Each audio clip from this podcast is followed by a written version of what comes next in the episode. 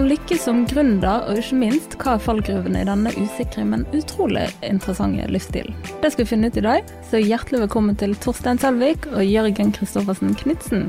Takk. Takk for det. For det er jo en livsstil, eh, dette her. Men jeg føler at før vi blir kjent med den livsstilen, så må vi bli bedre kjent med dere to. Du Torstein, du har allerede kjent skikkelse her i Bergen. Ofte vært sett på TV-skjermen og i avisene, der du har snakket om finans, politikk og musikk. Og du Jørgen, du er up and coming gründer og investor her i byen. Uh, driver allerede flere selskaper sammen med Torstein, uh, som dere skal fortelle litt mer om seinere. Men det store spørsmålet, da. Torstein, siden du har vært så tungt inne i finansverdenen i flere tiår, faktisk, og du Jørgen, du er litt yngre, men du er ikke helt i starten av din karriere, du heller, du har på en stund òg. Men på et eller annet tidspunkt så krysser jo veiene deres, da, og du ender opp å jobbe sammen med Torstein og faktisk har flere selskaper med han. Hvordan møttes Mm. dere to?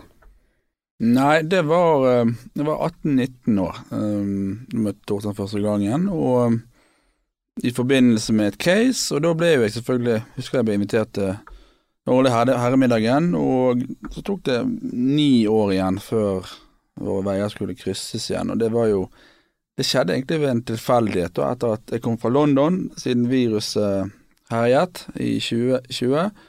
Og eh, etter det så har jo vi, etter 2020, starten på året der, så har vi egentlig jobbet veldig tett sammen, og som du sier, har flere selskaper sammen, og, og jeg tror nok at man Vi utfyller nok hverandre ganske bra, og har en arbeidskapasitet og et pågangsmot og energi og et drive eh, som er helt ekstremt, det vil jeg si.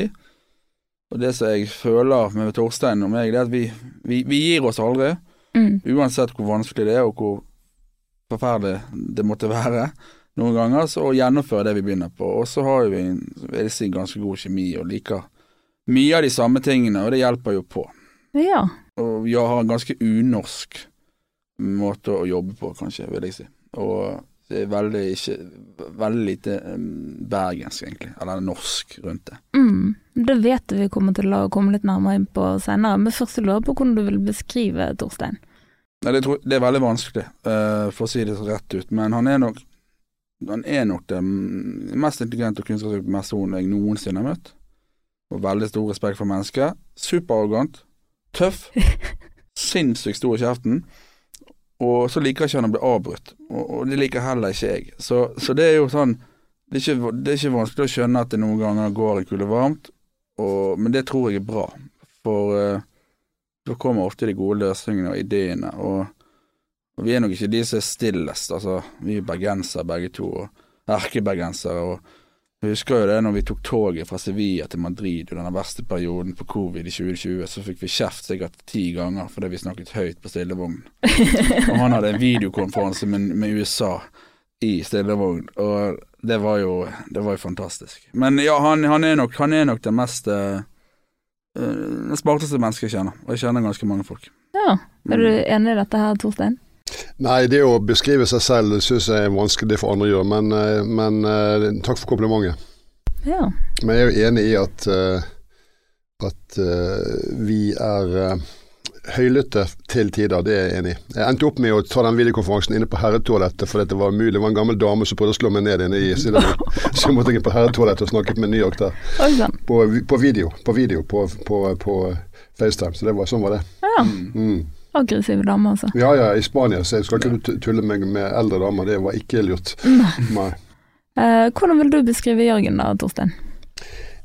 Uh, han har nok uh, det høyeste energinivået uh, av noen jeg har sett. Uh, vi har hatt i vårt system, for å bruke det uttrykket, vårt selskap, i våre, i våre nettverk, alltid noen unge, uh, unge gründertyper. enten kvinner eller menn fra NHH, BI eller utlandet eller hvor som helst. Jørgen kommer fra utlandet, han har studert i England. og eh, han har det høyeste energinivået. Eh, Det er et eh, veldig stort kompliment fordi at i Norge så er det et stort problem at vi lever i et samfunn, spesielt innenfor gründerskap, hvor folk egentlig ikke er sultne nok og ikke har nok energi. Ja. Interessant. Men det har altså Jørgen. Ja, han har det. Og eh, det er klart vi har hatt mange flinke. Jeg tror vi har hatt 25 eh, yngre personell opp gjennom årene, og eh, siden vi begynte for 20 år siden med vårt eget opplegg. Og eh, han er definitivt den som har høyest energinivå og får gjort mest, for å se på den måten. Ja. Dere to er begge gründere og livnærer dere på å være kreative og innovative, er det vel typiske egenskaper. Um, dere starter selskaper, investerer i selskaper. Hvilke egenskaper mener dere man bør ha for å lykkes som gründer? Ja, altså hvis du lukker øynene og så tenker du på at du skal gründe et selskap, gründe et prosjekt, sette i gang noe. Lukker du øynene, tenker du det verste du kan tenke deg, i forhold til slit, arbeid og mangel på penger, så ganger du det med 1000. Da begynner du å nærme deg hva det egentlig er. Så hadde, du, hadde folk visst hva det egentlig er. Heldigvis er mennesket skrudd sammen på en slik måte at når noe gjør vondt, så blir det godt igjen, og da glemmer man at det var vondt. Ja. Eh, og eh, man tar ett skritt om gangen. Eh, så gründerskap, eh, det er tøffe greier. Mm. Ja, altså det, du må jo legge ned vanvittig mye arbeid sant? og jobbe 24-7. Og, og så må du Altså, må aldri gi opp. Og det er jo eh, Jeg gir aldri opp. Og, det, og jeg har jo til og med det tatovert på armen min. Sånn, så, Mm. Hva og- står det der, da? Det er en slange, så står det 'Never give up'. Ah. Så den skal ordnes, den, akkurat den, for den, den var tatt i Thailand, eh, for å si det sånn, seint på kvelden. Eh, og da sto det først faktisk 'Never give up'. Ja, men det ordnet han. Det var helt, men det, den, ja det er jo en vekker, sant? for av og til er man i kjelleren, og, og, og tro meg, der kommer alle som starter selskap. Sant? Og så for Mm. min del, jeg har jo også noe som heter ADHD, sant? så jeg er veldig takknemlig for det. For det, det som Det var faktisk en artikkel på NRK om det for en stund siden, min annen gründer. Det, det som personer uten den diagnosen gjør på en uke, gjør jeg da på en dag. Sant? Så mange er jo veldig Sitter ti timer i strekk uten noe problem, men jeg må være, ha interesse for det og i lidenskap. og Mm. Sånn, så, og det der å lykkes og Det er jo ingen fasit, klar fasit på det, men jeg har jo Hvis jeg kan ta et eksempel, så har jeg et av mine selskaper så driver innenfor kunstig intelligens, og det var helt tilbake i 2015, da, og da i starten, og da eh, kontaktet jeg sikkert 50-60 sånn metroselskaper i verden før jeg fikk snapp på eh, 60. forsøket da, på Mm. i Metro i India. og som sa ja til å være sånn pilotprosjekt. Og da, de fleste hadde sikkert gitt opp etter de første avslagene, men jeg, jeg ga meg aldri. Mm. Og så um, Det er jo også en annen ting at man må tro på seg sjøl og, og tro på ideen. Og, og dette her, den teknologien vi har utviklet der, eh, er jo det at det er et system som oppdager innenfor AI, da, som detekterer snikere på metro. Mm. Og som er et stort problem. Så I Paris har de tap på fem milliarder i året. Og, og vår presisjon der er jo rundt 98,8% Og jeg husker jo godt en venn av meg da, som heter Aksel, som sa til meg at jeg kom på den ideen, at det der ville være vitenskapelig umulig. Mm. Og det ga meg jo enda mer motivasjon og, og, og lyst til å, til å gjennomføre det. Og det er nok en avgjørende egenskap, etter min mening, at man, man må stå løpet ut og gjennomføre det man begynner på, og ikke høre og ikke, Hvis folk mener det er umulig, det de får ikke til, så må ikke la seg stoppe det. Det er tvert imot. Så det gir fyr til bålet, det er egentlig at folk ikke tror på ideene. Definitivt. Mm. Men det er ikke sånn at man plutselig bare står der med et selskap som går godt, det er beina jobbing som skal til. Uh, jeg er litt nysgjerrig på hvordan eh, ditt eventyr startet, eh, Torstein. Hvor er liksom startstreken? Ja, altså jeg tenker nok at, eh, at jeg er enig i at jeg kan ikke stresse nok hvor viktig det er med, med hardt arbeid og innsats og aldri gi seg. Det er helt superviktig. Men det er klart at eh, en, en annen kollega av oss eh, som dessverre dør, eh, eh, Albert Einstein ved Princeton University, han sa at definisjonen på en idiot er en som gjør den samme feil om igjen og om igjen om igjen. Så man må selvfølgelig også justere underveis. ikke sant? Eh, verden forandrer seg, markeder forandrer seg, produkter forandrer seg, teknologi forandrer seg. Sånn at man må være selvfølgelig endringsvillig. Det er også svært viktig. Mitt eh, gründerliv begynte egentlig eh, for 20 år siden. Første 20 årene av min karriere så jobbet jeg i shipping og finans i banker og rederier og sånne ting, og lærte på en måte business. Eh, og når jeg følte jeg kunne nok om eh, hvordan næringsliv og business fungerer, så valgte jeg å ikke ta en jobb. Jeg var ferdig i bank, eh, stor utenlandsbank eh, rundt tusenårsskiftet. Så jobbet jeg. Ja, jeg jobbet faktisk i et, eh, i et sånt risikokapitalselskap i Oslo som heter Viking Mm. Capital helt frem til 2002. Men de siste 20 årene så har vi vært en gruppe som har gjort ting sammen Ja. eh, på egen regning. Uten lønn. Uten lønn. Så lønn er feigt, vet du. Lønn Ja, er feigt. Sånn, ingen sånn. Ingen lønn. Kun, eh, kun utbytte av det man Litt lønn, da. Etter hvert litt lønn, Ja. men uh, lite lønn. Ja. Men, eh, men man må stå på. Da skal jeg love deg at du leser ikke Dagens Næringsliv eller Dagbladet på jobben og kjeder deg. Da er det hvert sekund hellig og hvert sekund viktig. Ja. Og trivsel er 100 Mm. Men da jobber alle, da har man jo motivasjon, for man har lyst til å ta ut eh, utbytte. Jeg, Jeg fleiper jo litt, for jeg har en del styreverv og sånne ting som gjør at, at jeg har en, har en god lærerlønn i, i bånn der, vet du. Ja. Så sånn er det. Det er bra. Du da, Jørgen, hvordan startet ditt eh, eventyr? Nei, det var 16-17 år. Jeg, eh, da husker jeg at jeg malte husene til eh, investorer på Bønes. Mens alle var ute og festet, sto jeg og malte fra tidlig morgen til, til langt på natt, og hyret inn også et par andre personer. Så der begynte vi. Der begynte det, faktisk. Ja. Og da fikk du nettverket, rett og slett. Ja, det, det vil komme litt seinere, det vil si, eh, men eh, eh, det kom nok etter i begynnelsen av 20-årene der, tror jeg. Sånn midten av 20-årene. Da, da kom det. Men, men reisen startet der med å male hus på Mm. Bønnes. Ja. Ja. Man våger seg jo på en måte ut på tynn is når man velger en litt usikker vei som det å være gründer er, da. Hva gjorde at dere liksom turde det? Altså, det er ofte litt tilfeldig, for det er klart at eh, man kan ikke ha vært i finans. Altså Jeg liker finans fordi det er på en måte penger er viktig i alle bransjer. og Det er litt sånn bransjeuavhengig, du kommer borti veldig mye forskjellig. Mm. Eh, og eh, selv om man jobbet i tradisjonelle banker og også i et par rederier som jeg jobbet i, så altså shipping, så eh, kommer man jo borti teknologi i en eller annen form. Og gründerskap handler veldig mye om nye ting. Altså det, du kan godt gründe en uh, skobutikk, men uh, det kan du gjøre. Men, Mm. men, men, men mye i gründerskap handler jo om det siste, uh, siste nye. Mm. Og de siste 20 årene har jo dette med digitalisering og digitale produkter og apper og alle mulige sånne ting vært veldig viktig. Etter hvert nå kommer kunstig intelligens og Internet of Things. Og, så veldig mye handler om nettet. sant? Eh, eh, Men også, vi har også vært borti i medisinsk teknologi. Det er veldig vanskelig. Det syns jeg har vært kjempevanskelig. Men Ja. eh, eh, høy risiko. Eh, hvis du lykkes, er det selvfølgelig fantastisk. Og, Mm. eh, men også fordi at tradisjonelle investorer, folk som vi kjente fra eiendom og shipping og sånne ting, eh, beveget seg også inn i nye teknologiske prosjekter. Da ble vi på en måte med, siden vi drev med finansen. Ja. Eh, så vi ble dratt inn i det, eh, kan man godt eh, si. Ja. Eh, hva vil dere si er avgjørende for om et prosjekt eller selskap vil lykkes? Nei, altså det, det er jo Du må ha tro på deg sjøl, Mm. og så sette deg godt inn i næringen du skal drive i. Gjøre selvfølgelig hjemmeleksen på konkurrenter.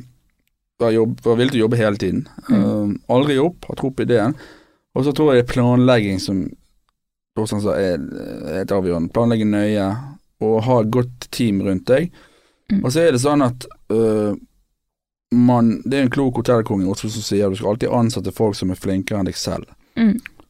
Og det er litt sånn Det tror veldig mange Jeg har gjort den feil i starten, at jeg skulle gjøre alt, var kontrollfrik og skulle gjøre alle oppgaver. Da går det dårlig. Mm. Så at man gjør Fokuserer, gjør det, jobber med det som man er flink på, og så lar man andre slippe Ja. til der man ikke er så flink. Sant? Og det, Ja. det er Så delegering, egentlig, da.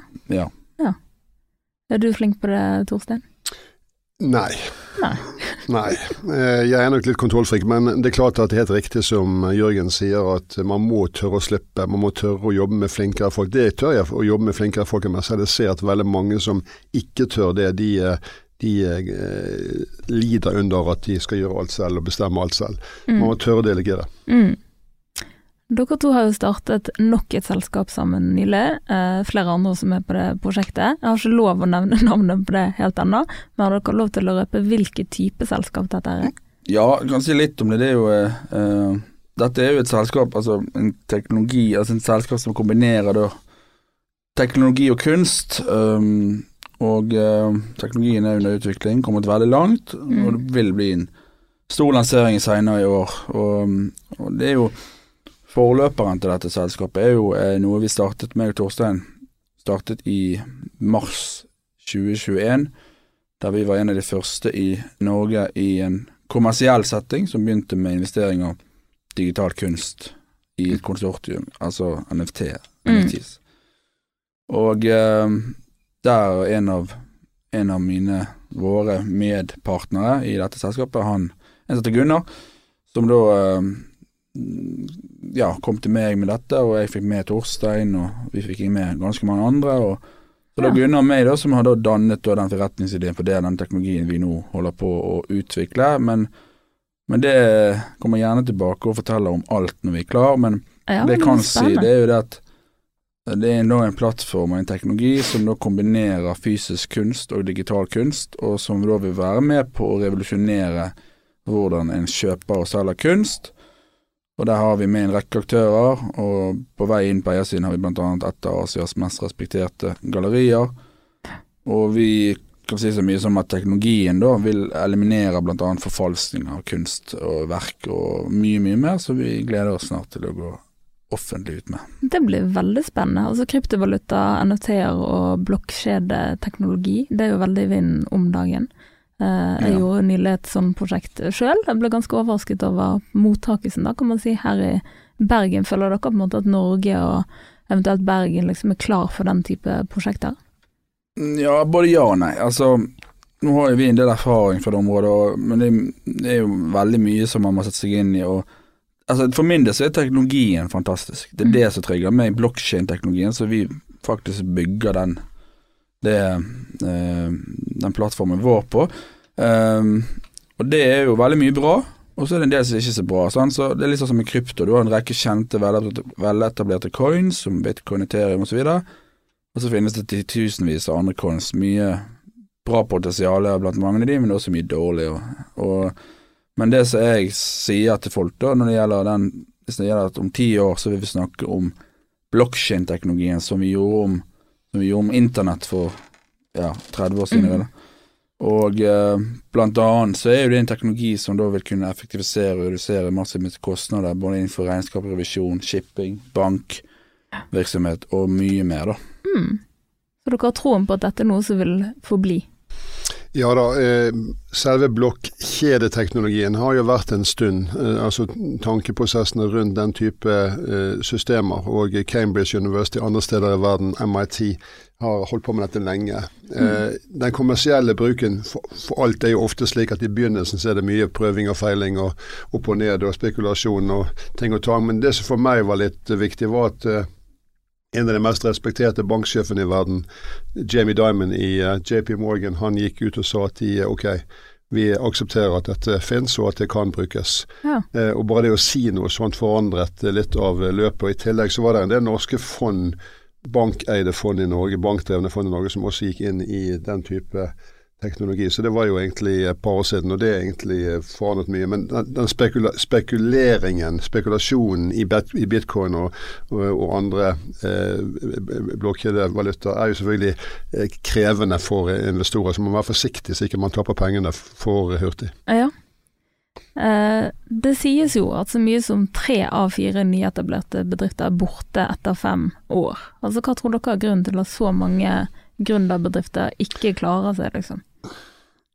Det er nok eh, La meg si det sånn, si det veldig enkelt. Eh, for det første så vet man jo ikke helt svaret. Det er jo store eh, ukjente fenomener vi snakker om her. Forskningen eh, beviser noe, men det er klart at i Norge så er folk enten flinke teknologiske, eller de er flinke kommersielle. De har kommersielle eh, gener. Mm. Veldig mange er ikke begge deler. Drar du til India, drar du til London, drar du til USA, større land, Frankrike, Tyskland, større land, så vil du se at du finner de beste gründerne. De er både fantastiske på teknologi og på det kommersielle. Mm. Eh, I tillegg så er det klart at i Norge har vi det heldigvis veldig godt. Mm. Så den gründersulten og, sulten, og den måten jeg var inne på det i sted også, at den, den måten å tilnærme seg en jobb på er litt eh, ukjent for folk flest i Norge. De, de liker å gå hjem klokken fem, Ja. eh, eh, for å si det sånn. Mm. Vi har et sånt gammelt uttrykk fra fondsmeglerbransjen hvor vi pleide å si at eh, DNB det er jo eid av staten, eller i hvert fall var iallfall mye eid av staten. Mm. De gikk hjem klokken seks og hadde tatt 100 telefoner og sa det går ikke. Mm. Eh, Pareto, som er privateide stort firma i Oslo, de gikk hjem midnatt og sa at eh, de tok 1000 telefoner, og det gikk ikke. Mens Goldman Sachs, eh, verdens største investeringsbank i New York, de, det tok 10 000 telefoner og, gikk aldri hjem, og det gikk. Ja. Så det er noen eh, eh, eh, Som også Einstein sier, sa, geniet er også eh, 95% hardt arbeid. Ja. Det er jo litt definerende for det vi snakker om i dag, hardt arbeid. Det virker som Mm. det er liksom litt av nøkkelen her. Ja. Kommer Eh, ingen vei uten. Nei, man kommer ingen vei uten. Men eh, hva annet skal til for å liksom bygge en levedyktig bedrift? Nå har jo teknologien blitt mer og mer standard, så det er Microsoft veldig mye bygget på Google, Microsoft, sånne ting. Sant? Sånn at eh, digital eh, teknologi er på en måte gitt i mange tilfeller. Så det er måten du setter det sammen på som egentlig kan være litt unik, og anvendelsen i hvilke markeder du henvender deg som kan være unik. Så du finner mindre og mindre patentert teknologi i, i dag i forhold til hva du gjorde for eh, en, en del år siden. Men det er klart at man skal jo være også heldig hvis du snakker om sånne enhjørningsbedrifter, unicorns, altså Mm. eh, ekstremt suksessfulle gründerbedrifter, så kan du si at eh, det er nok et element av flaks. Ja. Så det at eh, flinke folk er ofte, er ofte heldige. Mm. Fla de har flaks. De har flaks. Eh, og flaks eh, er noe av det viktigste å planlegge for. fordi det er klart at jo mer kompetent eh, du er, jo mer flaks har du. Ja. Så du skal rett og slett rigge det, rigge det Du må for rigge deg flaks? til for at noe vidunderlig kan skje ved å være veldig flink og jobbe veldig hardt. Ja. Da har det sikkert litt å si med optimisme og tenke positivt òg, da. Ja, men det er klart at det er litt forskjellige eh, meninger om dette. Jeg kommer fra en, eh, fra en eh, bakgrunn hvor jeg er veldig opptatt av grunnforskning og teori og utdanning og skole og universiteter og sånne ting. eh, Mm. Som en av mine kunder sa en gang, du må jo være ganske tjukk i huet, Torstein, som måtte gå så utrolig mange år på skole. sånn, så det, at- sånn at det er mange tilnærminger. Noen av de smarteste menneskene går jo ikke på skole i det hele tatt. Ja. Eh, Røkke og, og, og lignende. Ja. Eh, Men, eh, men, eh, men eh, utdanning syns jeg er viktig. Mm. Kompetanse. Det kan ingen ta fra deg, nemlig. Nei. Og det kan du falle tilbake på hvis denne Ja. gründerdrømmen ikke skulle vise seg å gå. Det er korrekt. Ja. Hvis man ser nærmere på dere to, så kan det se ut som at det har vært suksess hele veien. Altså, man ser i media på en måte når dere har gjort noe som har gått bra, og det er vel da vi stort sett ser til dere, sant. Men har det vært perioder der det ikke har gått så bra, der man liksom har følt at prosjektene ikke har lykkes, og at eh, det blir litt for uforutsigbart det her? Ja, det er klart at eh, Igjen så er vi heldige. Vi, vi jobbet for en utenlandsk bank på 90-tallet.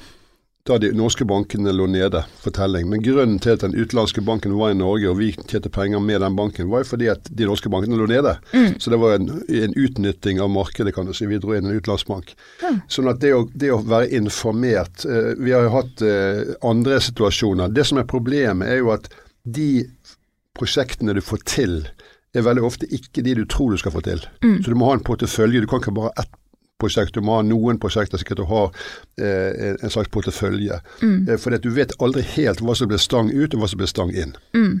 Så du må rett og slett ha nok prosjekter at noen av de Ja, vil men ikke for mange heller. Det, Ja. det, det der er et problem. For du, du blir gjerne kontaktet, og det er mange flotte prosjekter du har lyst til å hjelpe med finansiering. Mm. Så det, Man skal ha tungen bent i munnen, og man skal ha eh, også evnen til å si nei. Ja. Så vi sier nok nei til eh, mer enn halvparten av de henvendelsene man får. Kanskje 80 Opptil 80 sier man nei. Mm. Eh, og det er ikke alltid lett å si nei heller. Nei. Apropos investeringer, som hvis du tar på deg investorhatten, på en måte. Hva skal til for at man har lyst til å gå inn og bistå et selskap med kapital, på en måte? Det er veldig vanskelig eh, å svare kort på det. Skal prøve. Mm. Eh, Jeg veldig, beundrer veldig den eh, svært gamle investoren eh, Warren Buffett i USA som sier at han aldri investerer i noe hvis ikke kan forstå hva det er. Mm. Eh, og det er eh, nok en god leveregel. Du må forstå hva de holder på med. Mm. Eh, nå er ikke alltid det heller til- tilfellet, fordi at For å gå tilbake til Gorman Sachs, som jeg kjenner veldig godt, så, så la de De hjalp å legge Google på børs, jeg tror det var i 2003. Mm. Og da skjønte de ikke hva Google skulle tjene penger på, så de tok hele honoraret i cash. Ja. Og I 2008 cirka, så skulle de Facebook på børs. De skjønte heller ikke hva Facebook skulle leve av, men da tok de hele honoraret i aksjer. Ja. For de så at, at, at det er en ny virkelighet som eh, kommer, ikke sant. Og Mm. digitale selskaper, den veksten de har hatt og eh, slike ting, var ikke så lett på forhånd å forutse. Nei.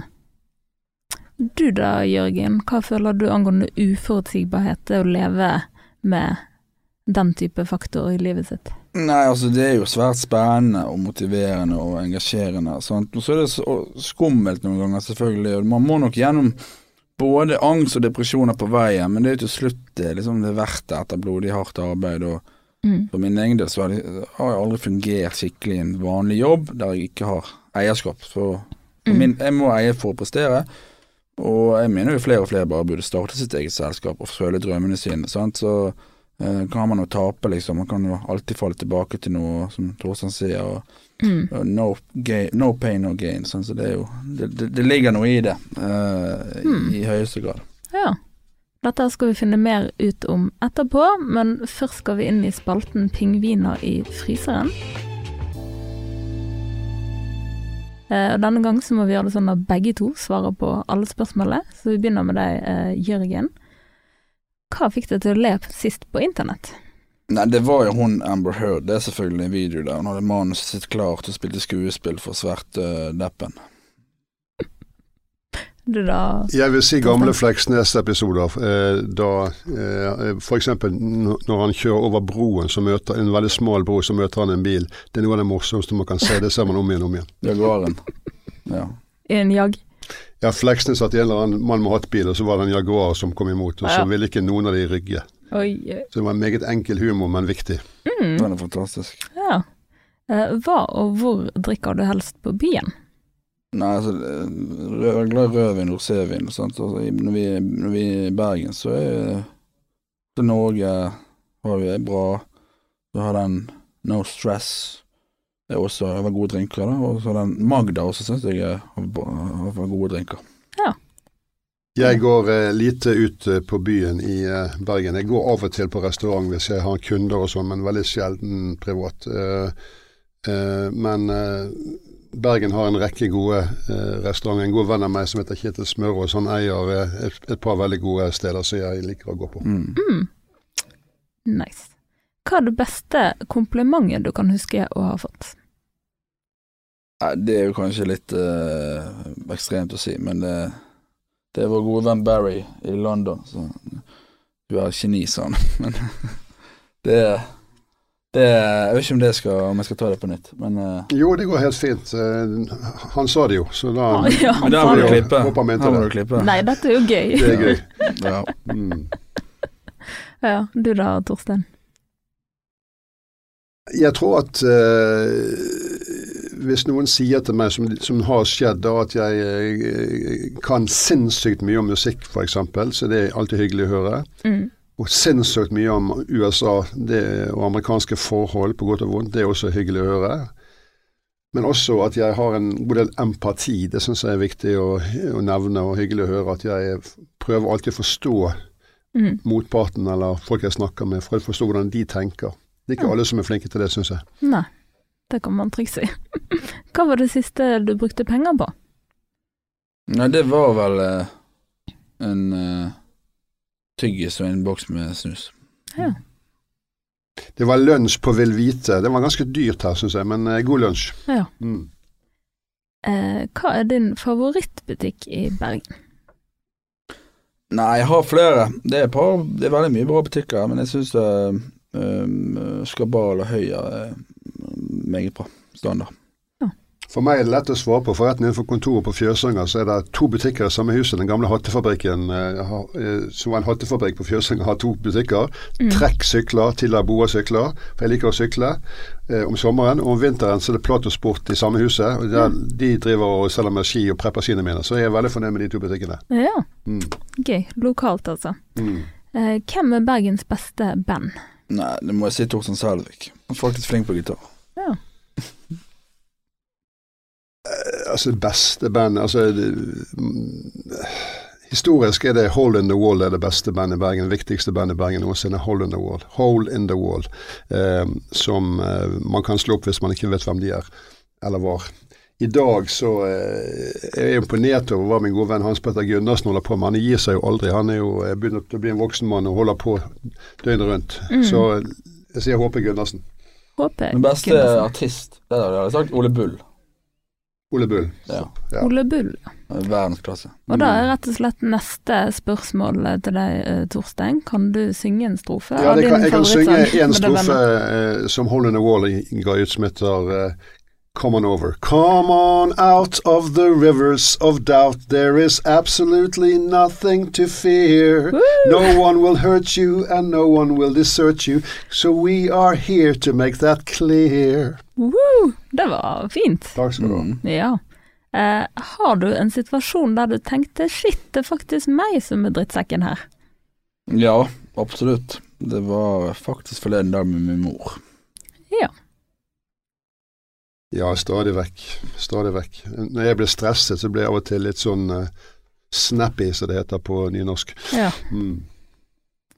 Hver dag. Hver dag, ja. Mm. Hvilket bergensuttrykk bruker du mest i løpet av dagen?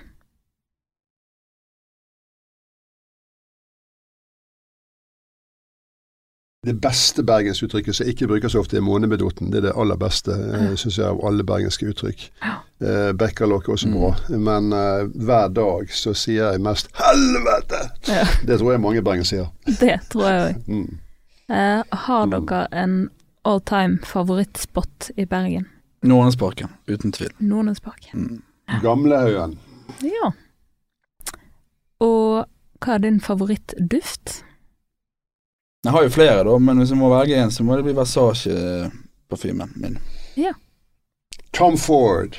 Tom Ford. Ja. Ulrik eller flere? Nei, der må vi støtte Christian Foss, så der blir det Ulriken. Ulriken. Mm. Ulriken. På begge, du. Oi, oi. Og til sist, hva ville du gjort hvis du kom hjem og fant en pingvin i fryseren? Nei, jeg bor jo på Nordnes, så da hadde jeg gått et akvarium med han. Ja, en pingvin i fryseren. Spørsmålet om den var lev levende eller død. Hvis den var levende, så ville jeg levert den eh, på akvariet. Hvis den var død, så ville jeg kanskje levert den et annet sted. Og med det avslutter vi spalten Pingvin i fryseren. Torstein, eh, du har jo utdannet deg en god del. Eh, Du har gått på NHH, blant annet. Flere vi skal legge til? Ja, altså jeg begynte, jeg har alltid vært interessert i utdanning for utdanningens egen skyld, tror jeg faktisk. For jeg har alltid likt å lese og lære ting og forstå ting. og Jeg blir helt gal hvis jeg ikke forstår. Det rabler for meg hvis jeg ikke husker hva noe heter, f.eks. Så jeg bruker Wikipedia ufattelig mye. Mm. Men eh, jeg begynte egentlig eh, etter gymnas, så gikk jeg, var jeg først et par år i militæret i Nato i Brussel. Og så var jeg college i USA, eh, og så var jeg på NHH, ble siviløkonom. Og så eh, jobbet jeg noen år i shipping i, i Vancouver i Canada. Og så gikk jeg på, tok en master of business der borte i Canada. Og så tok jeg en doktorgrad eh, Jeg begynte å jobbe i DNB, og så tok jeg en doktorgrad sånn part-time. Brukte tre år på det eh, sammen med en annen kar. Eh, Det var en skole i California. Mm. Eh, og så eh, gikk jeg på eh, Harvard Business School i Boston eh, i 91, 92, 96, 2000. Mm. Eh, I forskjellige sånne postdoc- og eh, executive education-programmer. Ja. Eh, jeg kunne, hvis jeg, hvis jeg ble rik nok, så hadde jeg hatt lyst til å ta enda en doktorgrad. Bare for Ja. moro skyld, bare for å ha det. Så jeg er ganske interessert i, i utdanning, for å si det forsiktig. Ja, for dette er ikke bare litt utdanning, det er veldig mye Jeg er utdanning. sinnssykt opptatt av det. Ikke for, det, ikke for min egen skyld, men for eh, jeg liker å forstå. Mm. Mm. Ja. Men hvor viktig synes du da utdanning er å ha i bagasjen, hvis du f.eks. skal starte egen bedrift eller være gründer? Statistisk sett så, er det kanskje ikke så viktig som jeg later som eller sier, eller som jeg påstår. Det er nok mange veier til Roma. Det er Mm. mange som kan komme veldig langt med, med tre helger på sykepleierskole, som de sier. Eh, eh, eh, men- og, og, og to år til sjøs. Men, men det er klart at i, ho, som hovedregel så er det nok en ganske god idé å ha en sterk utdanning. Mm. Problemet med utdanning er at du blir risikoavers. Eh. Mm. Og Jeg tror det var eh, Kanskje det var ti år siden det var et forskningsprosjekt som viste at eh, av de som gikk ut fra NHH og NTNU, f.eks. de to viktige skolene NHH og NTNU, Mm. så tror jeg kanskje 70% av de som gikk ut på et eller annet tidspunkt i karrieren, hadde lyst til å begynne som gründer, men bare 11% torde. For det gjelder, og det, er- det er Villa, og det er Volvo, og det er unger, og det er mye rart som gjør at man ikke tør å slippe. Ja. Men der er det noen som skiller seg ut, blant annet dere to.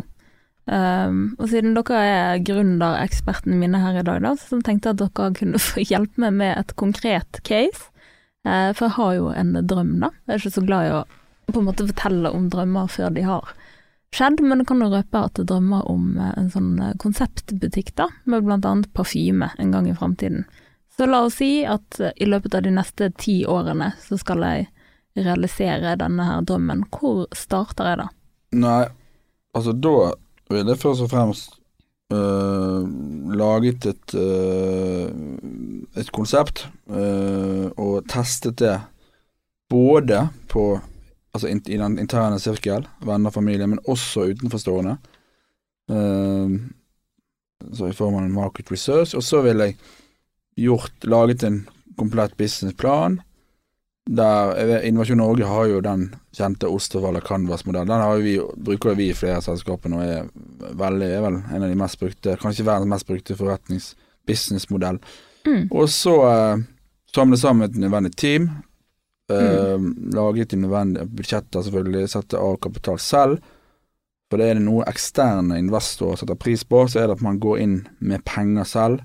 Ja. Og også legger all sin tid, fokus og dedikasjon 100% til nettopp det man skal gjøre. Uh, så det ville jeg gjort. Ja. For, I første omgang.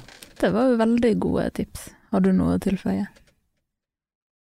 Ja, altså du kan si at eh, det er overraskende å se hvor eh, svake veldig mange gründerprosjekter er når det gjelder akkurat dette med forretningsplanen. Eh, fordi at det er noe som man faktisk kan få hjelp til mange steder. Det ligger konsepter på nettet, og man kan få, få hjelp mange steder. Mm. Man kan få masterstudenter til å hjelpe seg osv. Så, videre. så det er mange måter å mm. få det til på. Men ja. jeg tror veldig mange er utålmodige. De vil tjene pengene så fort som mulig. og bruker ikke nok tid på å forberede caset godt nok. Nei. Men jeg har alt dette her, hvor går jeg videre da? Nei, altså Problemet med gründerskap er at eh, mange av de ideene man har, er ikke unike nok. De har ikke nok marked, de har ikke nok kommersiell eh, verdi i seg. Mm. De er for uklare, for, eh, både forretningsmodell og markedsforståelse. Markedet er for uklart mm. eh, i mange tilfeller. Så at man ender opp med noe som ikke flyr, fordi at verden trenger på en måte ikke dette. Mm. Eh, men det er klart at dette med marketing, PR, kommunikasjon, nettverk er veldig viktig. Det er et berømt case på Harvey Business School som heter The Even Better Mousetrap Theory. Den, altså den uh, bedre og bedre musefell. Det var en kar som het Mohammed. Han bodde inne i skogen mm. eh, i uh, New England, og så uh, laget han musefeller. Mm. Og Så tok han og fylte opp kjelleren med musefeller som han laget. Han ble stadig flinkere å lage disse musefellene. Og så måtte han bruke spisestuen og stuen og kjøkken og til slutt soverommet, så han måtte flytte ut i garasjen, og garasjen også ble full av musefeller. Til slutt måtte han bo i et telt i hagen. Der slutta caset.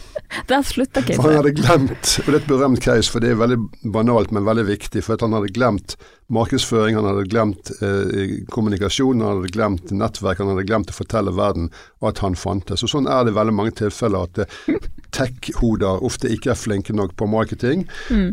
mens marketing-hoder ofte ikke er flinke nok på tech. tech ja. Hm. Dette var jo veldig verdifulle tips å ta med seg, så watch out for konseptbutikk om kanskje ti år. Um, men nettverk, dere sier at det er viktig. Uh, hvor viktig er det for å f.eks. få støtte til bedriften sin, f.eks. fra Innovasjon Norge? Prøver igjen å svare enkelt, for dette er et komplisert tema. Mm. Eh, til å begynne med så var jo nettverk eh, Det er sånn berømt eh, fra college i USA. Mm. College i USA, så var det sånn at folk kom fra hele verden på et college i USA. 200 land, 100 land kom mm. til, til college i USA man, jobbet man steinhardt år én for, for, å få venner, og så jobbet man like steinhardt år to for å bli kvitt de samme vennene.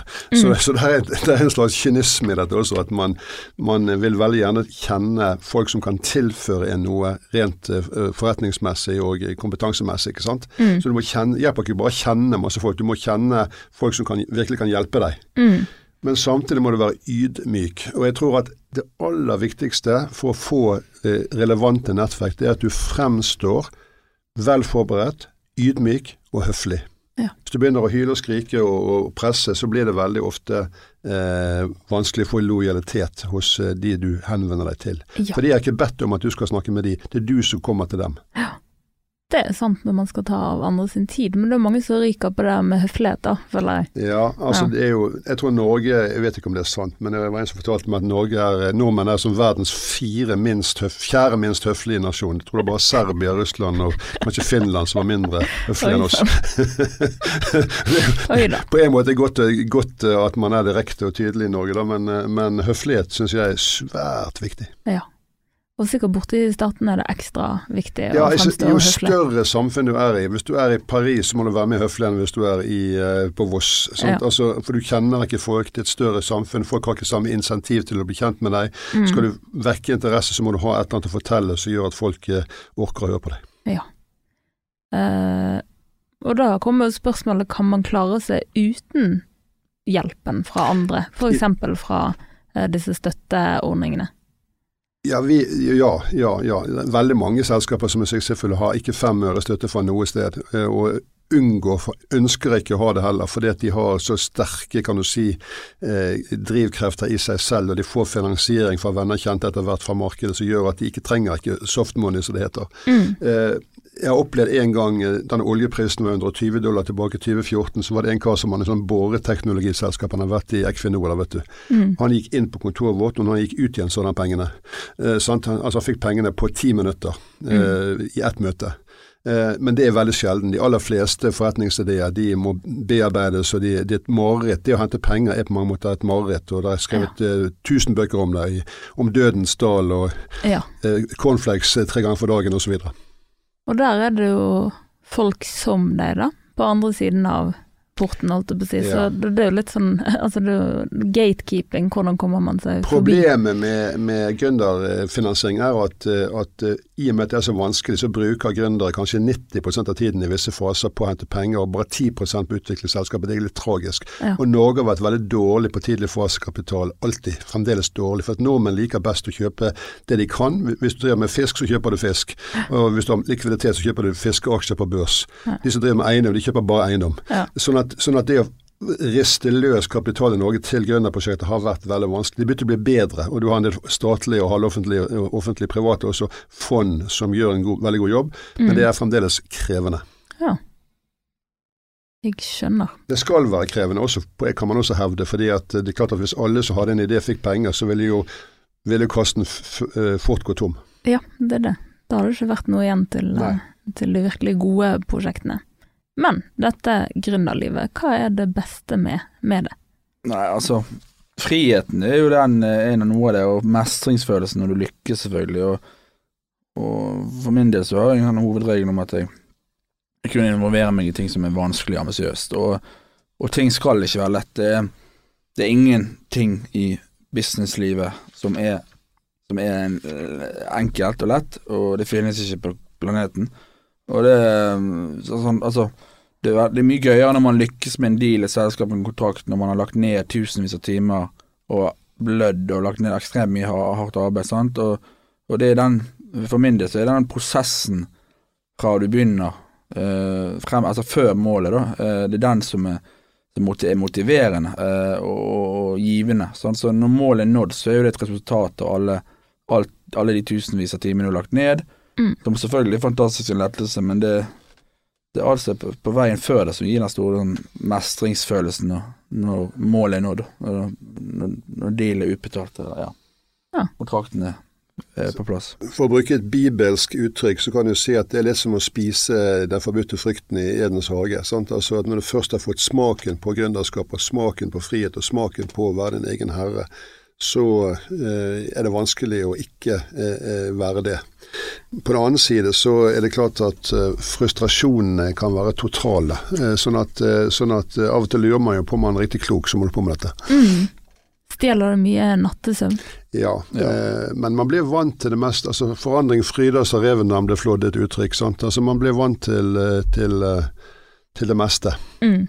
Eh, men du skal ha ganske sterke nerver for å holde ut i, i ikke minst nå for tiden med krig i Europa og ut av pandemien og under pandemien. Det var mye rart som skjedde. Ja. det, er jo ikke, en- det er jo ikke en jobb, det er jo en livsstil. Sant? Det er jo- livsstil. Og når, når noen i New York på Wall Street sa eh, på Teams sant, eh, 'We'll get back to you', så betyr det egentlig 'dra til H'. Det gjør det, Ring oss aldri. så. Så det er noe med digitale medier som er litt mindre eh, hva skal vi si, forpliktende enn å møte noen fysisk. Absolutt. Hvordan utnytter dere denne friheten et et gründerliv kan gi? Friheten er ofte på en måte også en illusjon, for du skal betale skatt, du skal betale dine regninger, du skal eh, sant, leve. Eh, sånn at, eh, og, og du rapporterer alltid til kunden. Ja. Enten kunden er en investor, eller kunden er en partner, eller kunden er en kunde i med tradisjonell forstand, så har du alltid en sjef. Mm. Alltid en sjef. Sånn at eh, på en måte dette er litt illusorisk, men det du slipper, det som jeg syns er deilig, det er den der kreftfremkallende politikken og, og eh, ryggpissingen som du har i veldig mange større organisasjoner, hvor ingen tør å ta en avgjørelse uten at de må ringe til sjefen og den type ting, er deilig å slippe. Mm. Nei, jeg er helt enig. Ja.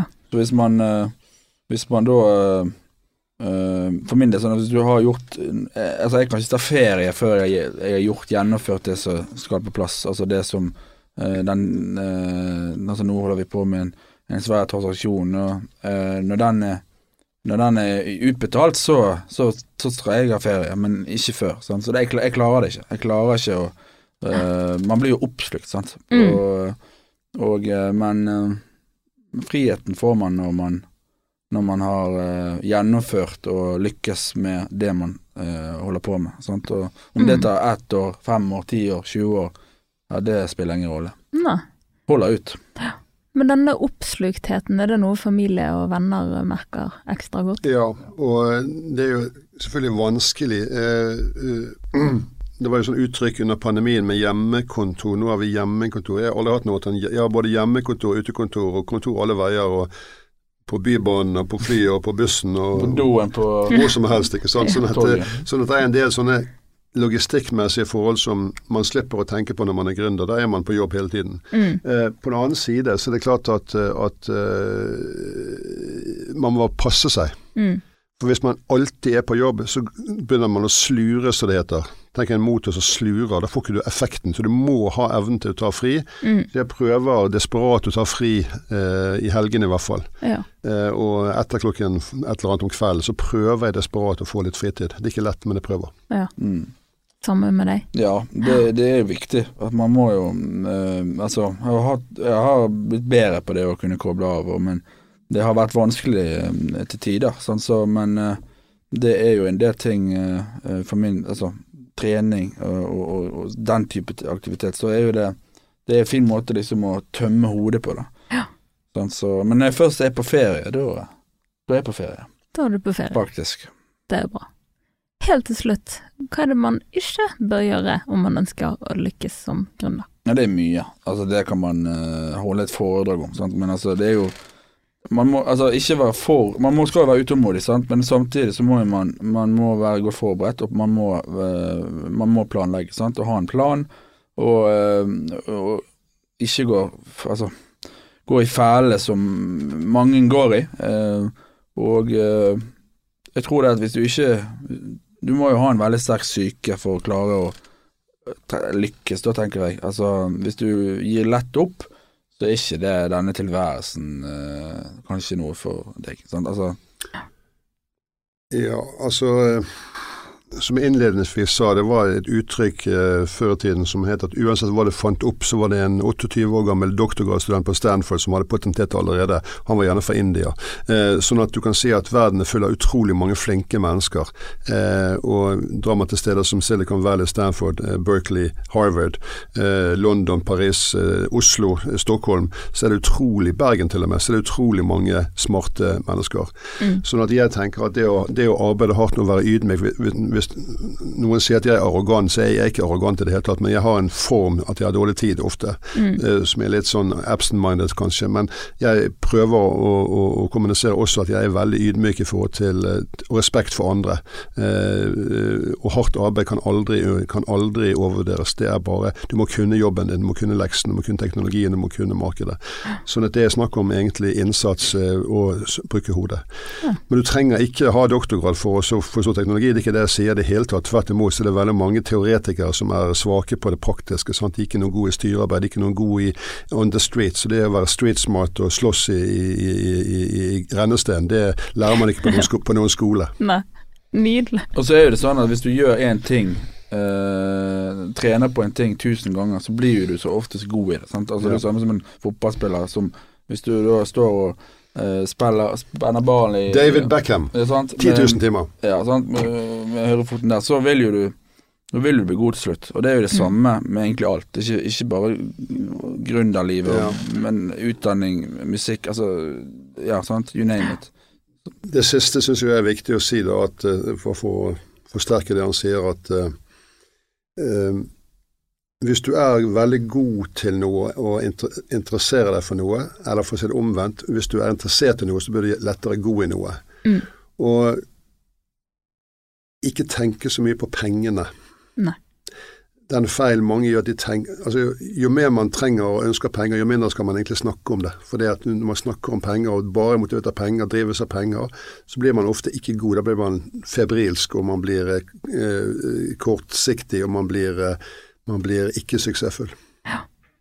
Det var veldig fine ord å avslutte med, så da må jeg si tusen takk for at dere to ville komme her i podkasten. Jeg føler i hvert fall at jeg har blitt mye klokere på dette gründerlivet, og håper du som hørte på også ble det. Eh, mer Drømmefanger kan du høre på Spotify og iTunes, og hvis du vil vite mer om episodene, kan du sjekke ut vår Facebook-side Drømmefanger. Neste episode fortsetter vi videre på gründertemaet, og da får vi to kule gründerjenter i studio. Tudelut!